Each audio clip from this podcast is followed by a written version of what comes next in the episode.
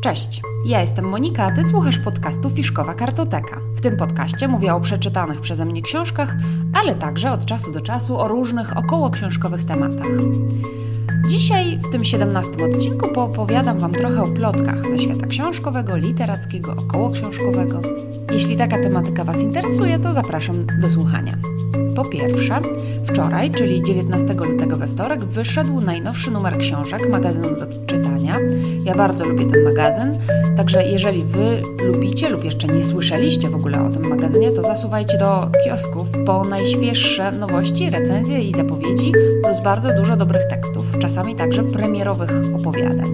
Po drugie, powieść Prowadź swój pług przez kości umarłych Olgi Tokarczuk, przetłumaczona na angielski przez Antonię Lloyd-Jones, znalazła się w ścisłym finale drugiej edycji Nagrody Europejskiego Banku Odbudowy i Rozwoju. Na tej krótkiej liście trzech powieści, ścisłej liście do finału konkursu, znalazły się jeszcze dwie inne powieści. Soviet Milk Nory Xteny, przetłumaczona z łotewskiego przez Margitę Gelitis i The Devil's Dance Hamida Ismailowa, przełożona z uzbeckiego przez Ronalda Rayfielda we współpracy z Johnem Farndonem. Co ciekawe, na długiej liście 10 nominowanych powieści do tej nagrody była jeszcze inna polska książka, Lala Jacka Denela. Niestety nie dostała się do trójki finalistów. Także czy Olga Tokarczuk wygra tę nagrodę, czy nie wygra, czy to będzie kolejny sukces po sukcesie biegunów? Zobaczymy. Laureata poznamy na początku marca. Po trzecie, pierwsze urodziny niedawno obchodziło Radio Książki w lutym dokładnie. Znaczy dokładnej daty nie pamiętam i nie znam, natomiast urodziny obchodziło w lutym. Radio Książki w ogóle czym są? To są takie godzinne audycje o literaturze przygotowywane w formie podcastu. One są realizowane dzięki Gazecie Wyborczej oraz e, portalu Audioteka.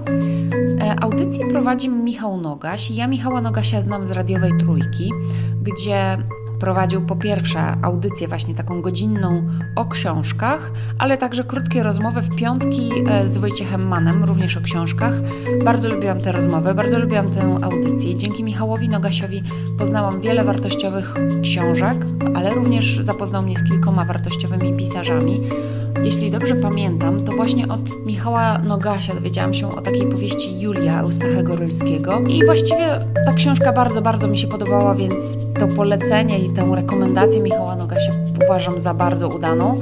Przynajmniej tą jedną pamiętam, natomiast na pewno było więcej książek, które mnie zaciekawiły po, audy- po wysłuchaniu audycji e, Michała Nogasia w Radiowej Trójce. No i w audycji Radio Książki Michał Nogaś kontynuuje tą pracę po tym, jak e, zrezygnował z pracy w radiu. Postanowił kontynuować pracę nagłaśniania książek w eterze i, i dobrze mu idzie, więc e, jeżeli nie słyszeliście o takiej audycji, to serdecznie Was zapraszam. Można z tego co wiem słuchać tego podcastu albo przez gazet, przez stronę Gazety Wyborczej albo przez taką um, aplikację audioteki, więc e, serdecznie Was zachęcam, żebyście sprawdzili, czy Wam w ogóle interesuje taka, taka tematyka i taka forma słuchania o książkach, jaką proponuje właśnie Radio Książki. Trzecia nowość, trzeci news, a nie, to był trzeci news, czyli czwarty news. Okolicach walentynek Ministerstwo Kultury i Dziedzictwa Narodowego ogłosiło wyniki m.in. programu Promocja Czytelnictwa, bo również innych programów, Natomiast w promocji czytelnictwa możecie znaleźć na stronach Ministerstwa Kultury i Dziedzictwa Narodowego listę inicjatyw, które utrzymały, utrzymały uzyskały dofinansowanie na rok 2019.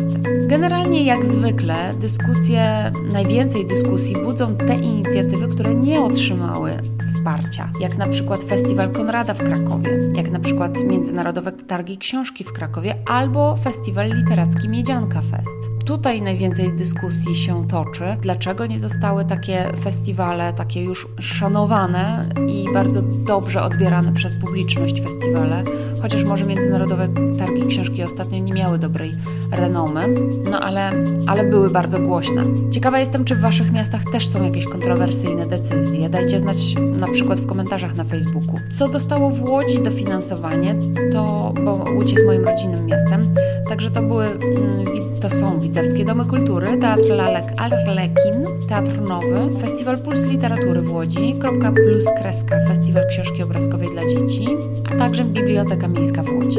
Mam wrażenie, że większość inicjatyw, jak tak zerknęłam pobieżnie dosyć na tę listę, które otrzymały dofinansowanie, jest skierowana do dzieci lub młodzieży, więc może się tak zdarzyć, że te działania będą miały pozytywny skutek i może za parę lat, jak to pokolenie dojrzeje, to może i czytelnictwo się troszkę zwiększy w Polsce.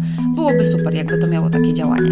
Po kolejne, czyli chyba już piąte. Nie wiem, czy widzieliście, pojawił się trailer do filmu Ciemno prawie noc na podstawie książki Joanny Bator. Z tego co wiem, to premiera tego filmu będzie 22 marca, albo jakoś tak w marcu na pewno. Książka mi się bardzo podobała, bardzo sobie cenię Joannę Bator, chociaż bardziej mi się podobała Piaskowa Góra i Chmurdalia niż y, Ciemno prawie noc, ale trzeba przyznać, że i ta książka ma swoją gęstą atmosferę i bardzo plastyczny język. Film trailera zapowiada się dosyć mrocznie i ponuro, czyli chyba oddaje taką ponurą atmosferę tej książki. No i pojawia się Piotr Frączewski, którego ja bardzo dawno nie widziałam na dużym ekranie. Możliwe, że grał, ale po prostu nie oglądałam tych filmów.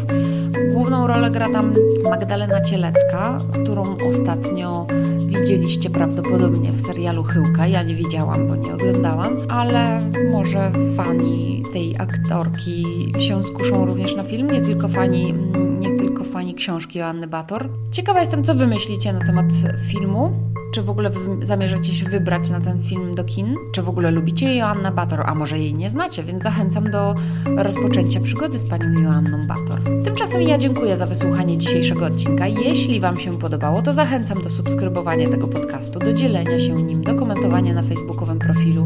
Na Facebooku znajdziecie mnie pod nazwą Fiszkowa Kartoteka. Jestem także obecna na Instagramie pod tą samą nazwą, więc jeśli chcecie zobaczyć książki, które czytam, to zapraszam również tam. Poza tym zapraszam także na mój drugi podcast Lubię Wiedzieć. Tam mówię o różnych ciekawostkach. Najnowszy odcinek jest o Bento. Tymczasem do następnego razu, do następnego odcinka podcastu. Trzymajcie się ciepło. Cześć!